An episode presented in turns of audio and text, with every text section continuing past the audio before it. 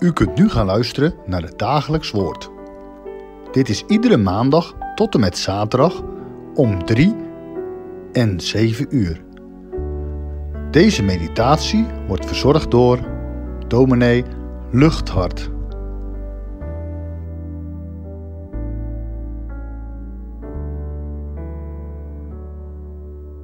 Beste broeders en zusters, vanuit mijn studeerkamer weer een hartelijke groet.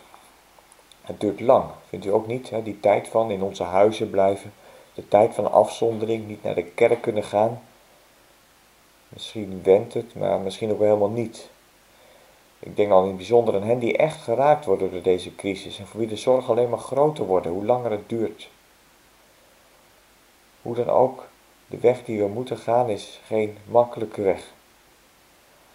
Nu we 1 Korinthe 15 uit hebben, hebben we er als predikant ervoor gekozen in de komende weken verder te gaan met het lezen en mediteren over fragmenten uit het boek Exodus. Fragmenten die te maken hebben met de lange reis van het volk Israël op weg naar het beloofde land. Een weg waar ook wij, ingelijfd bij het volk van God, veel van kunnen leren. Vanmorgen lezen we Exodus 13, vers 17 tot en met 20. Exodus 13 vanaf vers 17. Toen de farao het volk had laten gaan, is het gebeurd dat God hen niet leidde langs de weg door het land van de Filistijnen, hoewel dat korter was.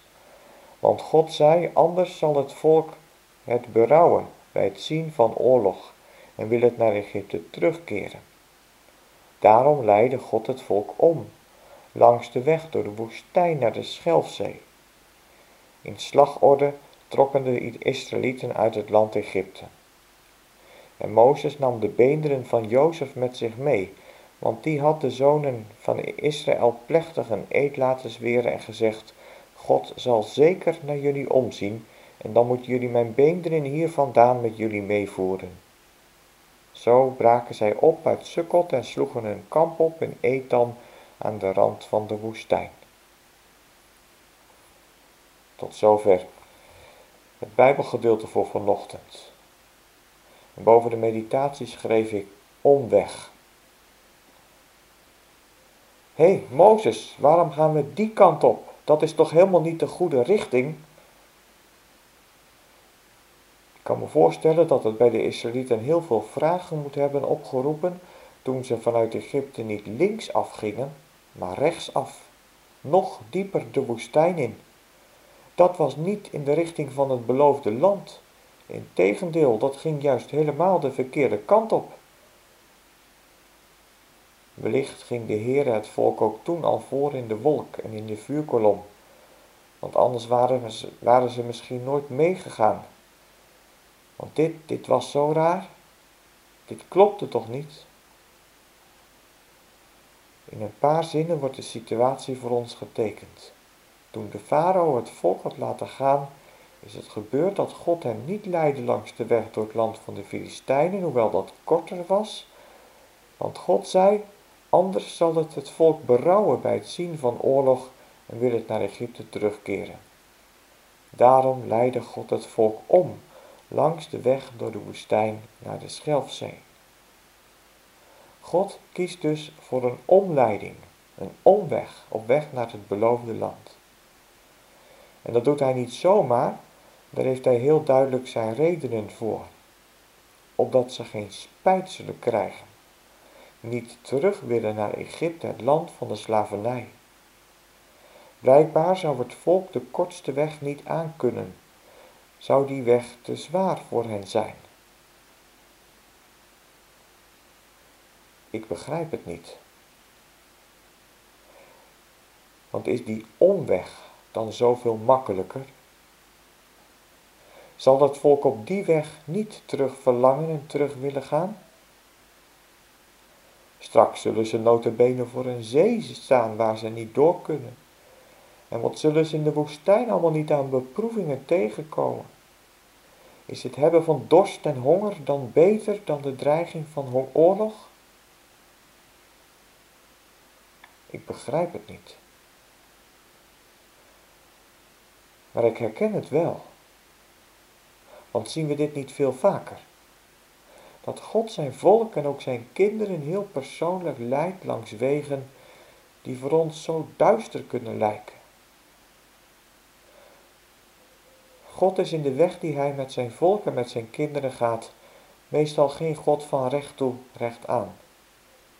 Denk alleen maar aan de weg die hij ging met Jozef. De man door wie hij zijn volk ging verlossen van de hongersnood. Waarom moest dat nou langs een weg die voor Jozef zo diep moest gaan? Die vraag kunnen we natuurlijk ook stellen als het gaat om Jezus, die ook onze verlosser is, onze zaligmaker. Waarom moest hij nou zo lijden en op zo'n vreselijke manier sterven? Had God het nou echt niet anders kunnen doen? Veel makkelijker misschien ook wel. Blijkbaar hoort dat erbij bij onze God. Dat Hij van die lange en onbegrijpelijke wegen met ons kan gaan. Is dat ook niet heel herkenbaar als het gaat om de weg van zijn volgelingen na Pasen? De zonde, de dood, de duivel, ze zijn overwonnen. Alles, alles is volbracht en toch, toch duurt het maar voordat zijn koninkrijk echt in al haar glorie doorbreekt en wordt zijn kerk nog zo beproefd. God leidt zijn kinderen en zijn volk zo vaak langs wegen die zij zo moeilijk begrijpen. Omwegen. Zo schijnen die wegen voor hen en voor ons te zijn. En toch, toch is dat niet zo. Niet in die zin tenminste dat het ook wel anders had gekund. Want God is geen God die een spelletje speelt met hen die op hem vertrouwen. God is geen God die zijn macht misbruikt en ervan geniet om het zijn kinderen zo moeilijk mogelijk te maken. Integendeel. Want juist die omwegen die hij gaat zijn duidelijk, zijn uiteindelijk tot heil, tot zegen. God gaat zijn volk tijdens de omweg door de woestijn leren om in geloof en in gehoorzaamheid met Hem te leven. En dat is blijkbaar een weg van lange adem. En zo moest ook Jozef die donkere weg gaan om de koning kunnen worden die God hem wilde laten zijn. En moest ook Jezus tot in het diepst vernederd worden om onze straf te kunnen dragen en onze harde harten te kunnen verbreken.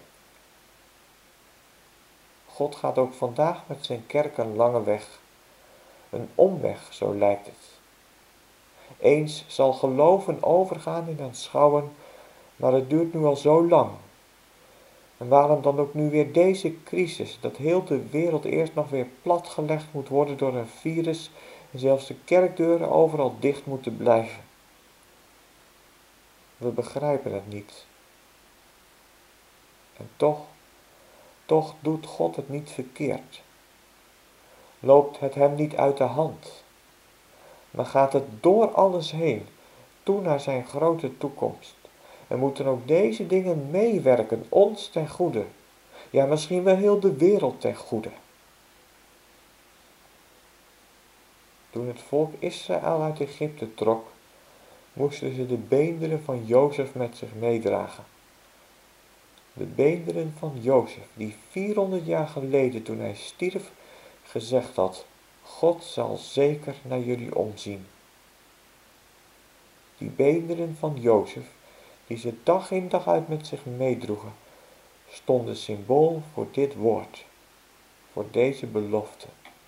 Toen in Egypte, maar ook nu in de woestijn. En zo mogen ook wij Gods woord met ons meedragen op de weg die wij moeten gaan ik ben erbij, zegt hij. En ik zal u niet begeven en ik zal u niet verlaten. Wat er ook gebeuren gaat, er is hoop voor een ieder die op mij vertrouwt. God gaat ook vandaag met onze moeilijke weg. Maar laten wij blijven zingen, wat de toekomst brengen mogen, mij geleid des Heere hand. Moedig sla ik dus de ogen naar het onbekende land. Leer mij volgen zonder vragen, Vader, wat gij doet is goed. Leer mij slechts het heden dragen met een rustig, kalme moed. Heer, ik wil uw liefde loven, al begrijpt mijn ziel u niet. Zalig hij die durft geloven, ook wanneer het oog niet ziet. Schijnen mij uw wegen duister, zie, ik vraag u niet waarom. Eenmaal zie ik al uw luister, als ik in uw hemel kom. Amen. Laten we bidden. Heere, u bent een God van trouw, een God van ontferming, een God die er bent en die er zal zijn. We danken u voor uw woord, uw woord wat wij ook, wat wij ook in deze tijd dragen mogen, met ons mee mogen dragen, waar we ons aan vast mogen houden. Als de wegen die u met ons gaat ons soms zo duister kunnen lijken, als het ons schijnen omwegen te zijn, op weg naar uw grote toekomst. Heere, wij bidden u, geef ons geloof en volharding, gehoorzaamheid.